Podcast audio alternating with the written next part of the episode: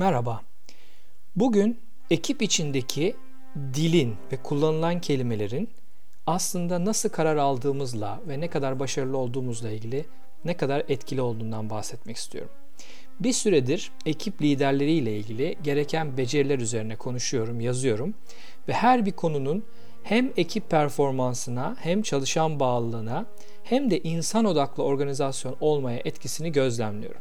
Bu podcast bölümünde belki de her gün yaşadığınız, her gün yaşanan bir senaryo üzerinden ekip liderlerinin dili üzerinde durup ekip iletişiminin ne kadar önemli olduğundan bahsedeceğim. Ekip iletişimi karar süreçlerini ve ekipteki tüm çalışanların katkısını belirliyor. Diyelim bir toplantıdasınız, ekip lideri ve 5 ekip üyesi var. Ve bu bir şirketin sahibi veya birlikte çalıştığı bir takım lideri olabilir veya bir projeyi yürüten bir ekip veya lider olabilir. Bu toplantılar aslında liderle ilgili çok ipuçları verir. Liderin farklılıkları nasıl ele aldığına, değişiklik mi, standart süreçler mi istediğine ve işlerin nasıl yapılması gerektiğine dair görüşlerine ışık tutacak ipuçlarıyla doludur. Lider eğer farklılıkları aza indirip takım kararı adı altında süreçlerin neredeyse standart ve otomatize olarak ilerlemesi yönünde ağırlığını koyuyorsa ekip buna fazla karşı koymama eğilimi gösterebilir. Bu da aslında bütün ekip sonucunu, ekibin ortaya çıkardığı iş sonucunu da aslında azaltma yönünde bir etki yapıyor. İnsanlar kolayı isterler. Yani aman bir tatsızlık çıkmasın veya niye ben kendimi öne atayım duygusu yeni ve geliştirici fikirlerin gelişmesini engelleyebilir.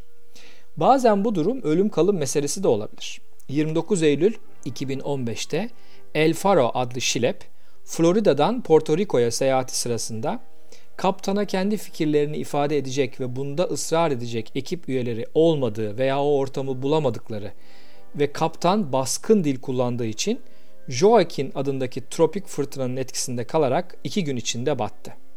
Bu hikayenin bu kadar ilginç ve öğretici olmasının sebebi kontrol merkezindeki tüm diyaloglar kayıtlıydı ve gemi battıktan sonra bu kayıtlar ortaya çıkarıldı ve üzerinde çalışıldı.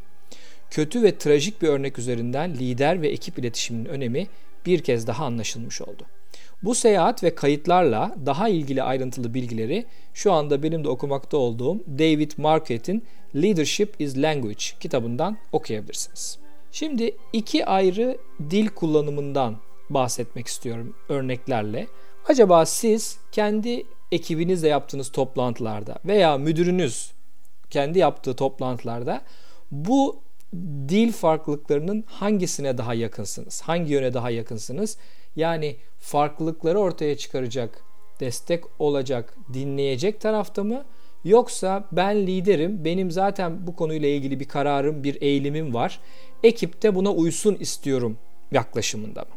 Şimdi eğer lider baskınsa, farklılıkların ortaya pek çıkmadığı takım dinamiği varsa ve daha çok süreçlerin standart olması, otomatize olması isteniyorsa o zaman şöyle cümleler duyabiliyoruz toplantılarda. Halledelim şu işi. Olsun artık bu iş. Bugün bu işi bitirelim arkadaşlar. Planladığımız zaman çizgisine göre gidiyoruz değil mi? Beni anlıyorsunuz doğru mu? İki seçenek arasındayız öyle mi? Fark ettiyseniz bu ifadeler hep beraberiz, bir aradayız, takımız, hep beraber karar verdik, hep beraber yapıyoruz gibi bir duyguyu içermesine rağmen farklı görüşleri bastırıcı bir tarafı da var. Herhalde e, bunu fark ettiniz.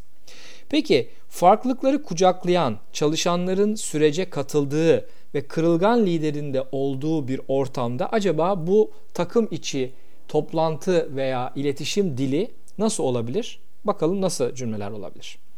Örnek, bu çözümü nasıl görüyorsunuz? Yani ben lider olarak şöyle olsun böyle olsun demiyorum. Size açıkça açık bir şekilde soruyorum. Bu çözümü nasıl görüyorsunuz? Veya buna ekip olarak ne kadar hazırız? Bu çözümü haydi yapalım budur demeden buna ekip olarak ne kadar hazırız? Bir sonraki soru nasıl daha iyisini yapabiliriz? Yani şu ana kadar bunları konuştuk, tartıştık belli bir karara yaklaştık. Fakat lider o sırada araya giriyor ve diyor ki nasıl bundan daha iyisi olabilir? Bu tamamen herkesin dinlenmesinin yolunu açan, herkesin farklı görüşleri masanın üstüne getirmesinde özgürlük hissetmesini yol açan bir yaklaşım. Buradan ne öğrendik? Örnek olarak bir başarısızlık olabilir, bir kayıp olabilir, bir istenmeyen bir sonuç olabilir ve lider bu bu olaydan sonraki toplantıda böyle bir soru soruyor. Buradan ne öğrendik? Peki bir sonraki cümle nasıl olabilir? Bu işi halledeceğiz fakat bu yeni koşullarla ilgili bilmediğimiz şeyler var. Öngörmediğimiz bazı zorluklar olabilir.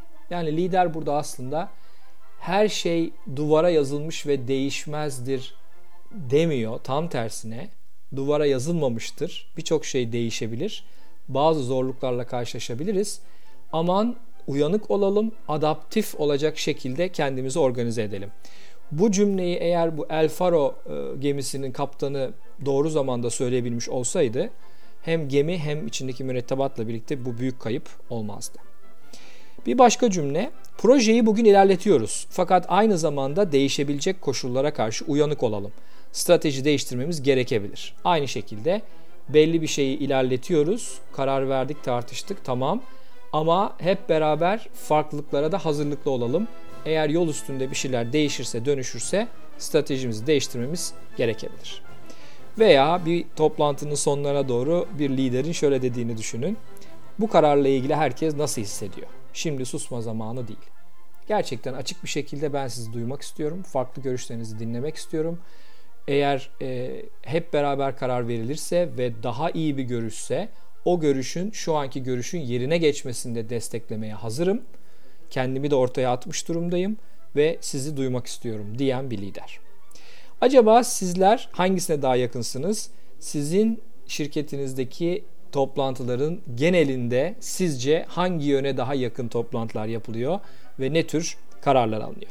Tam bu noktada bununla ilgili bir püf noktası da vermek istiyorum. Eğer daha farklılıklara açık, daha insanları dinleyelim, daha e, değişik görüşleri de sürecin içine katalım diyorsanız çok küçük bir değişiklikle aslında bunu yapmaya başlayabilirsiniz. O da şu.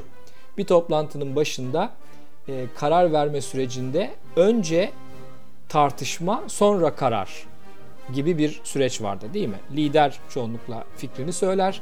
Lider fikrini söyleyince insanlar ona doğru bir eğilim gösterirler ve liderin dediğine çok yakın e, bir şekilde karara varılır. Fakat bunu tersine çevirsek nasıl olur acaba? İsimsiz bir şekilde toplantının başında hiç kimse kimseyi etkilemeden herkes ortadaki masanın üstündeki sorunla ilgili çözüm önerisini ifade etse. Belki bir kağıda yazıp bir kutuya atsak ve o sorudan kutudan o kağıtları çekip okusak. Ve herkes çözüm önerisini söyledikten sonra tartışmaya başlasak. Hangi öneri daha uygun, hangi önerinin daha olumlu tarafları var, daha bize hizmet eder, hangisi daha iyi olur? Acaba ikinci dediğim şekilde yapsanız nasıl olur? Yapsak nasıl olur? Böylece liderlerin veya gücü elinde bulunduranların konuyu zaten daha önce karar verdiği bir yere doğru çekmesini birazcık engeller.